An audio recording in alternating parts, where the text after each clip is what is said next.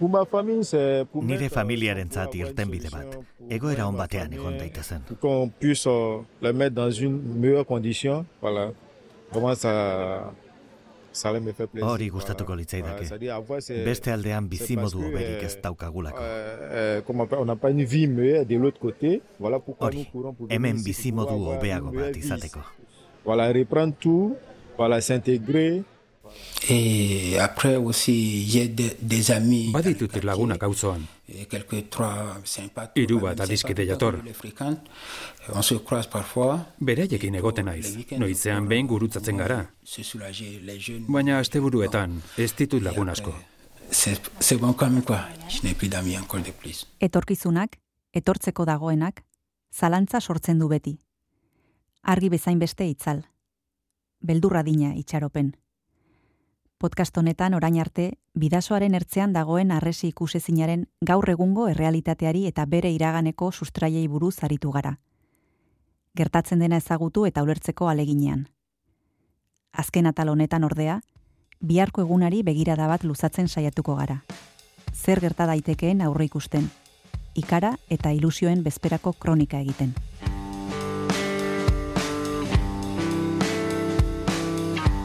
Ni Kristina Tapia Huizi naiz eta hau Arresi ikusezina podcastaren seigarren atala da. Etorkinen etorkizuna.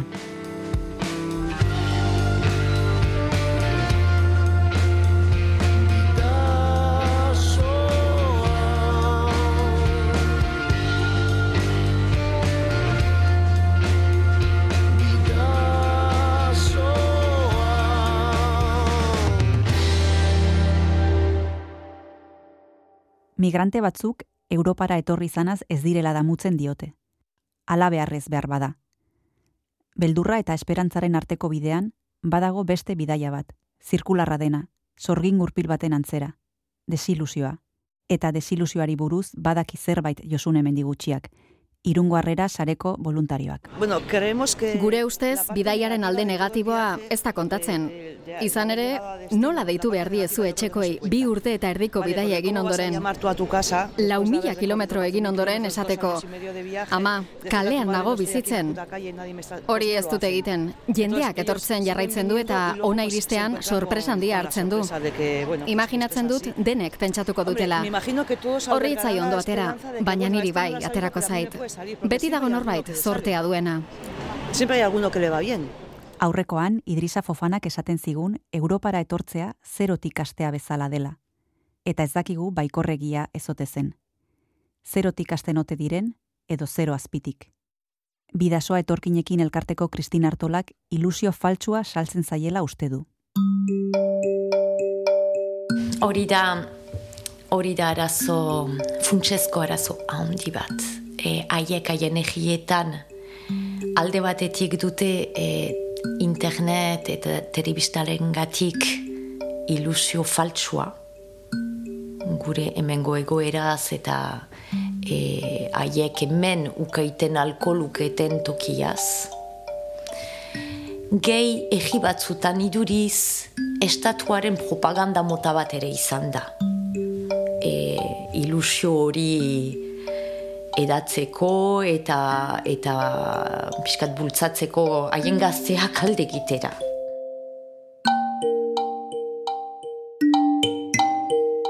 Arazo hori ez, e, trampa hori unatiritsi direnek erakutsi nahi diete beste lortu dutela zerbait unatiristean. Ordan ez zindiete esan ere, ez etorri nik dena eutxegin dut, hemen miseria da, ez etorri. Ordan txaiatzen dira, e, ilusioa saldu gabe ere, zaten e, erakusten haiek zerbait lortu dutela.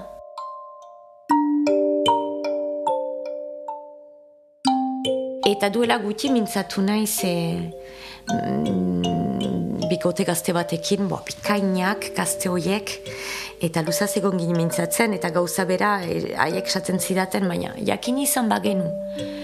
E, unatiristeko pasatuko genuen guzia, eta orain gelditzen dena, ba, igual ez genuen bide hori egingo.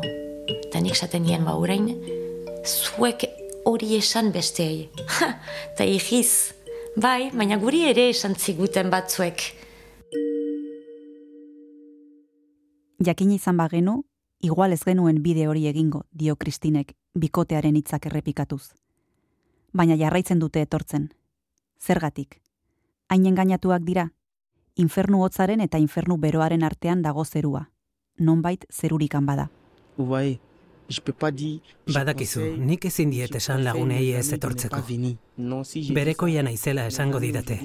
Ni jada hemen nagoela eta beraiei ez etortzeko esaten diedala. Baina ezin izan nuen ez ulertu, ez onartu e, ateraintzin. Da bakarrik egindu dalakunik, orain badakidala. Baina nik orain naiz eta bestei esplikatu gauza bera izango da. Eta da zirkuru, alako zirkuru txar bat ez. Baina, okerrena da, nunbait ahazuia dutela. Han ez dute oportunitaterik eta ez bakarrik haien egiak pobreak direrako zeren ginea, adibidez, ez da egi pobre bat. Berez, kriston aberestasun pia dituztean. Baina ez dira banatuak betikoa. Horan noski sentitzen dutela, hai han ezin dutela deus, naiz eta ikasi, bojokatu, lan egin. Eta hemen ikusi ditut, eta ikusten ari naiz gero eta gehiago, ba, ikasketa mailan ere kriston maila duten batzu. Magi garria. Eta jerazteko maneran eta entzuten da, sentitzen da. Han blokatuak dira. Ezin dute deus egin. Orduan, ospa iten dute, pentsatuz, naiz eta dena miseria izan ere, gure miseria baina ondiagoa ez da izanen.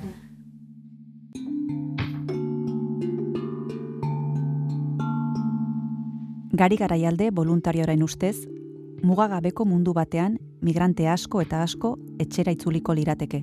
Bidean topatu dituzten zailtasun ikaragarriak ikusita. E, netzako horrere dago, hau nire akurketa da, ez dut beste horrekin, baina netzako badago, gozatu, jode, eta ez, ez, dute nahiago beraien herrian bizi, Parisen kalian bizitzea baino, ezin dute atzera egin, ze badakite berriro beste momentu batean, etorri nahiko baluke, e, balute, beste iru mila euro, beste iru urteko bidaia dela.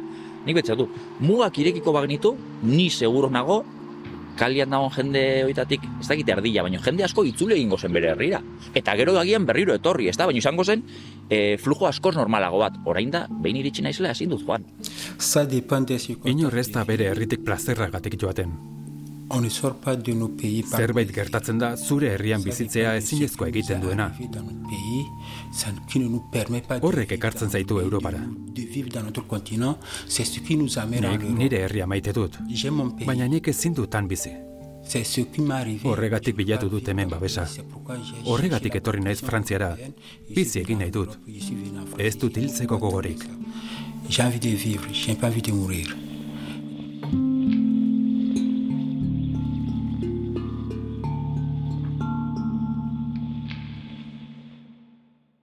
aliaklak behin eta berri zerraten du bizi nahi duela, baina zalantza unitz ditu etorkizunaren inguruan. Ezin egona, ikara eta beldurra. Beldurra hitza unitzetan agertu da podcast honetan. Hainbatek aipatu digute. Esaterako aklak, togoko gazteak eta janmarla binek endaiako apezak. Beraiek izan duten solasaldian, harri gelditu zaigu zein handia den beldurraren poterea, eta zein okertuta gauden. Enaiz mehatxatuta sentitzen. Enaiz gizakiekin bizitzeko beldur. Non dago aldea?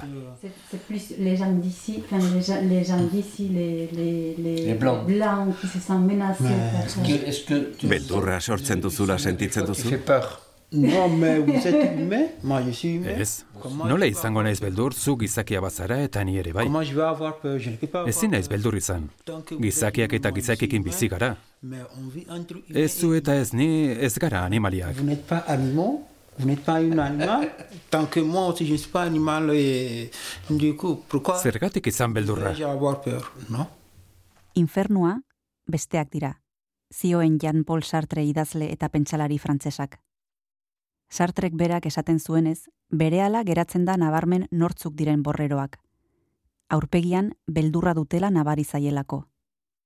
Zeren beldur dira ordea. Ametsar zaiuz bertsolari eta idazleak argi dauka. Eta, bueno, ba, bakoitzak bere alorretik egiten du egin lezakena, eta nik sinisten dut e, gutako bakoitzak zerbait egin dezakela, eta eta bere baitan pff, impulso e, xenofobuak, diskurso rasistak, esan dezagun boto rasista e, dakan jende hori ere, ez dut pentsatzen naturalki eta berez eta sortze zalakoa da, nik baizik eta zerbaitek eraman du, eta askotan ez ezagutzak eramaten zaitu baita ere ez ezagutzak ikara batea, eta ikaratik harrapatzen zaituz eta baliatzen dira zutaz, zu amplifikadore bat izateko ez.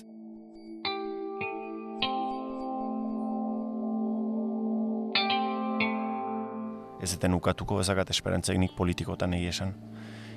Gauza galdatzeko eta esperantza dakat jendean gan. Zuzenian jendean gan, personen gan. Eta, eta bueno, personek aldatu dezakete beren burua eta orduan nik esperantza izateko motibuak baditut e, ikusiz nire inguruko jendia, ni niri erakutsi diaten e, jendia irunen, e, ez irunen bakarrik iparraldean herri askotan daude bat ere erresa ez dan lan bat eginez e, torkinekin sare hortan herritalde asko eta jende asko voluntario e, bueno, migrante familiak herrian txertatzen, abiatzen, bizimodu berri bat eraikitzen laguntzen, beren bizitza ematen jende asko aida, noski beste jende asko aida e, bizi, bizitzako bideoiek oztopatzen eta trabatzen aurre eritziekin, e, mezu xenofobuekin, gesto razistekin edo whatsappeko txistiekin. Bueno, hori ere jendia da, eta orduan esperantzan ere jendia dan bezala, etxipenare jendia da askotan.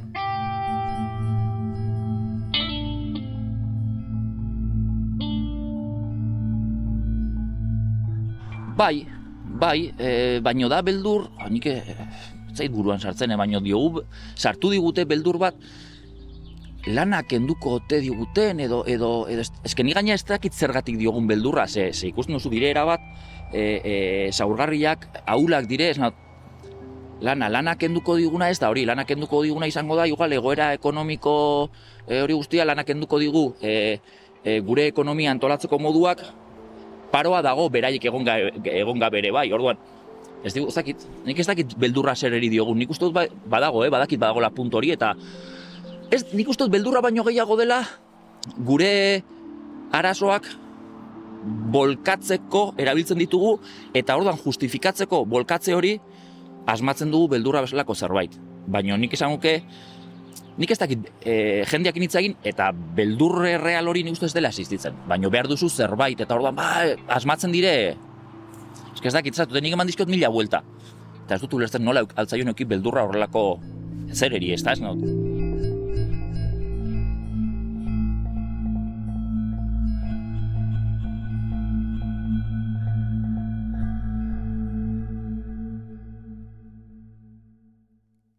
Lana lapurtuko diguten atzerritarrak.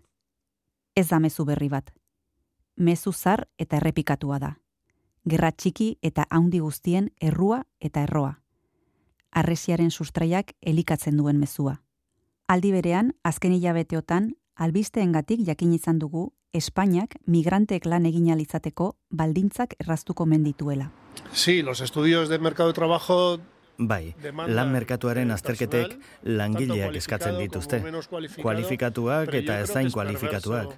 Baina nire ustez maltzurra da migrazioen eztabaida merkatuaren planoan kokatzea. ¿Por qué? Por un lado, porque alde batetik gaur egungo merkatuak ekonomia kapitalistan oinarritutako merkatuak ez ditu langileen eskubideak aintzat hartzen edo bermatzen. Joroar, eta are gutxiago langile migratzaileenak. Iker Barbero, EHUko administrazio zuzenbideko irakaslearekin solasean ari gara orain. Luego también situar las políticas Politika publikoak jaiotza tasaren edo demografiaren ikuspegitik kudeatzea. Migranteak kontuan hartzea gazteak direlako eta seme alabak eduki aldituztelako. Más joven, que pueda, ten, que pueda tener hijos. Eh, o en clave de mercado de Eta lan merkatuaren arloan soili kontuan hartzea langileak ez dauden postuak kubritzera datuzela. No obra, yo creo que es perverso Nire ustez hori maltzurra da. Merkatu hori asebeteta dagoenean edo pertsona hoiek jada beharrezkoak ez direnean, politika hoiek atzerritarren aurka joango dira. se vuelven contra las personas extranjeras. Por tanto, yo Horregatik nik enuke klabe horretan kokatuko. Nire ustez migrazioen kudeaketan funtsezkoa da beti pertsonen eskubideak kontuan hartzea, nazioarteko itunetan jasotako funtsezko eskubideak eta baita estatuko araudietan ere. Estatales, no? Orain entzungo ditugun Idrisa eta Bama bezalako migrariek guk guretzat nahi ez ditugun lan hoiek egiten dituzte. Lan zakar eta gogorrenak. Kontratu eta eskubiderik gabe. Ta question est qu'est-ce que j'ai fait Oraingo ez ditut paperak eskuratu. Beraz, han eta hemen lan bilan abil, zerbait edukia ahal izateko.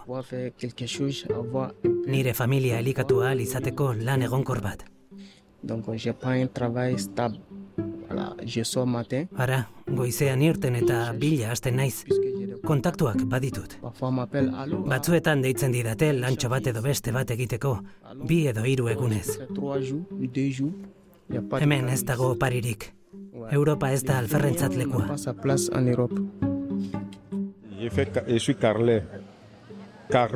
Arlauzak eta egiten. Argin lanetan. Hori ikasi nuen. Voilà, c'est ce que j'ai appris. Voilà. J'aime bien ça. Asko gustatzen zait. les papiers ici, j'aimerais suivre encore une autre. Hemen paperak izan ezkero, nire formazioa jarraitu nahiko nuke lanbide horretan. Plus d'expérience encore dans Asko gustatzen zaidalako. parce que j'aime bien ce métier.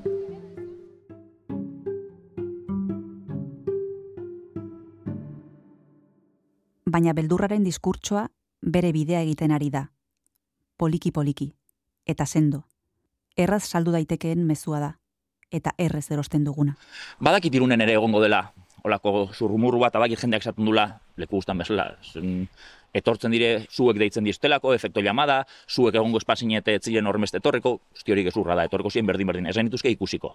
Zeren beldurra? Hori da harria. Arresiaren oinarria. Bere paretak adreiu zadreiu eraiki dituena.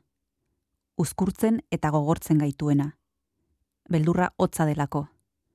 Mugigaitza, monolitikoa, sendoa. Esperantzaldiz, xirimiria bezala da. Eguzki agertu aurretik, nekez nabaritzen den argi izpien dantza horren antzekoa. Simplea eta euskorra. Iaia asmakizun bat. Baina hala ere, edo horregatik, esperantza da arantzari zor diogun lorea.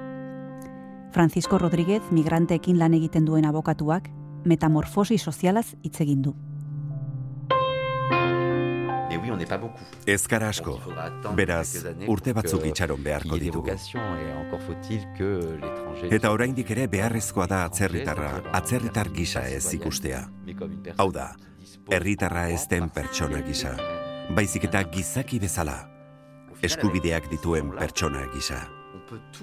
Giza preskriba ezintasuna da hori. Oraindik itxaron behar dugu. Baina uste dut datozen urteetan ikusiko dugula zerbait lor dezakegun ala ez. Hala ere, helburua pertsona hoiek duintasunez bizia izatea da. Frantziako lehen boterea nire ustez, ez da ez presidentea ez gobernua, niretzat epaileak dira. Aginte judizialarekin metamorfosi sozial bat egon daiteke.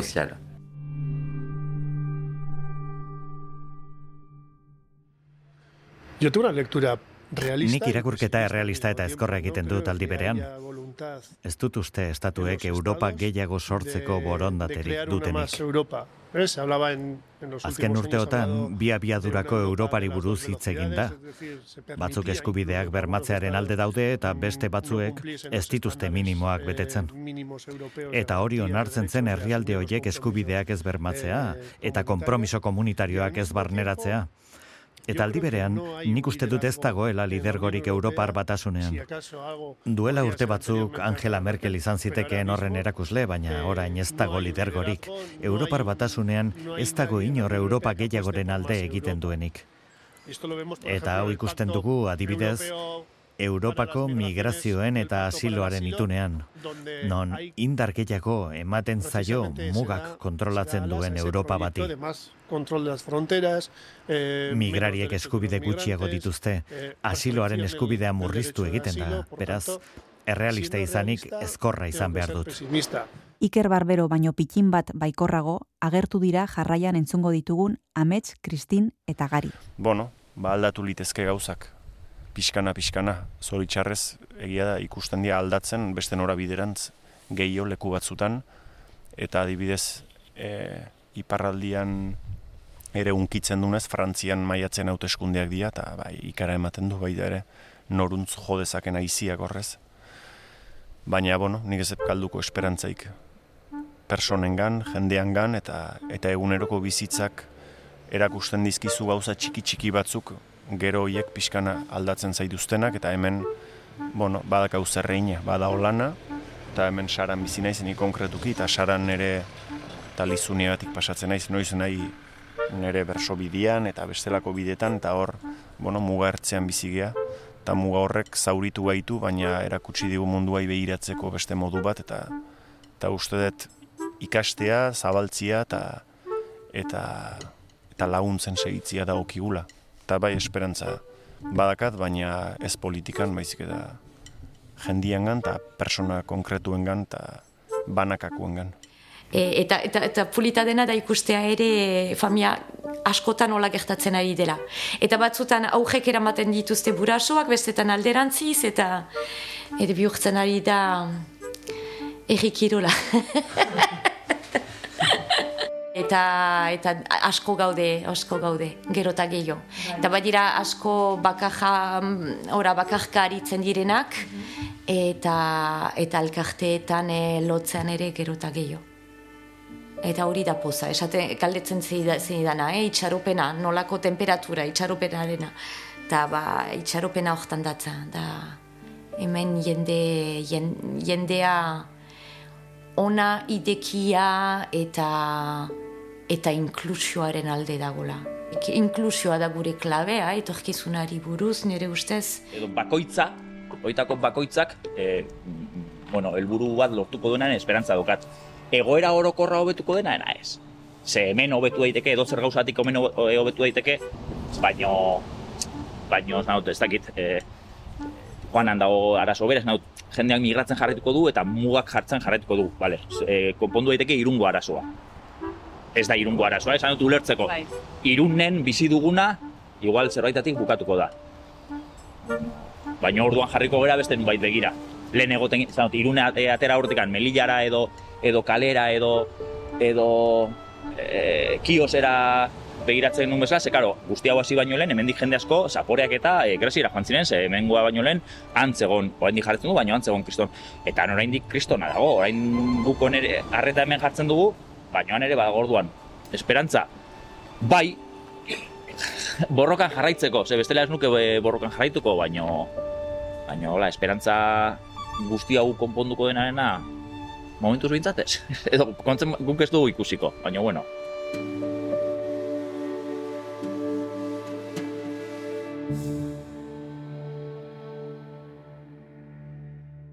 Esperantza borrokan jarraitzeko migrante bakoitzak borrokari ekin zion beretxea utzi zuenetik.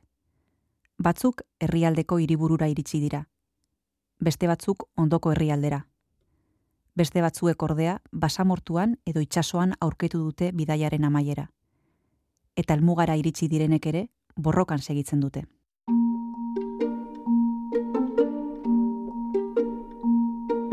Podcast hau estrenatu baino astebete lehenago, arresiaren beste aldetik aklak berri onak eman dizkigu. Uh, sí, yo tengo una buena noticia. Sí! Asiloa lortu du. Eta arekin, hainbat aldiz aipatu digun babesa. Eh, ima acepte ma demanda zire montonera internacional. Akla pozik dago. Urtarrian beste ikastaro bat hasiko duela kontatu digu. Eta mesedez eskatu digu eskerroneko mezu bat grabatzeko. Jan Mark Labini, bere abokatuari, bidasoa etorkinekin elkarteari eta baionako zimadi bihotzez eman nahi dizki eskerrak. Je suis très touché de tout l'aide que toute personne m'a aidé. Bestalde, Idrisarekin Parisen egon eta lau hilabetetara WhatsAppeko audio bat bidali digu. Allo, bonsoir, bonsoir, Cristina. Ça va, toi? Ongi dabil. Ongi kako txartean. Ez da bizi ezagutu genuen hotelean. Ekialdeko estaziora mugitu dira. Ibrahim semeak pozik jarraitzen du eskolan. Baina berak ez du paperik. Izan ere, 2008 bat garren urtean, Frantzian, egun da iru mila asilo eskaera egon ziren. Eguneko egoita bostak lortu zuen baiezkoa. Franchement, vraiment, ça me fait plaisir que vous ne nous a pas encore oublié. Posten hau jakiteak etzarela guta zaztu, esan dit Idrisak. Vous êtes très gentil. Eta guk, aztuko aldugu Idrisa. Aztuko ditugu Akla, edo Aixa, eta Bama eta Fadiga. Zerbait aldatuko da, edo zerbait aldatuko dugu obera izango da, okerrera. Arresi ikusezina podcast honen amaieran, ia-ia hasi ginen bezala maituko dugu. Mugan. Ezagutu ditugu pertsona migrarien errealitateak. Aditu ditugu haien ahotsak eta saiatu gara mundua haien begietatik ikusten. Bidaiaren amaieran, hasieran gara berriz. Mugan. Beldurraren eta esperantzaren mugan.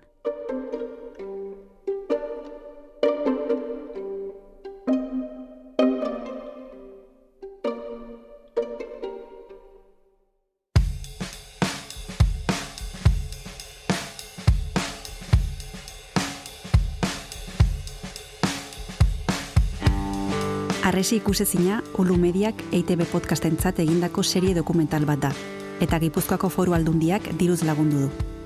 Zuzendari eta ekoizle lanak nik neuk egin ditut. Xabier Etxeberria, Martin Etxeberria eta nik gidoia zarduratu gara. Grabazioak Juan G. Andresek eta Oier Arantzabalek egin dituzte. Muntaia eta soinu diseinua Juan G. Andresek eta Oier Arantzabalek egin dituzte. Silvia Tapia itzultzaile lanak egin ditu, eta sintonia gisa erabilitako kanta, bidasoa, Willis Drummond taldearena da. Gure eskerrik beroenak eman nahi dizkiegu irungo harrera sarea, iparraldea etorkinekin eta utopia elkartei. Voluntarioei eta proiektu honetan parte hartu duten guziei. Bereziki, irundik pasadiren migrantei. Haiei eskainita dago podcast hau. Gogoratu, EITB podcasten edo audioak entzuteko darabiltzun dena delako plataforman entzun dezakezula arresi ikusezina arpidetu eta gustoko baldima duzu familia eta lagun artean zabaldu. Zaindu eta hurrengo atalera arte entzule.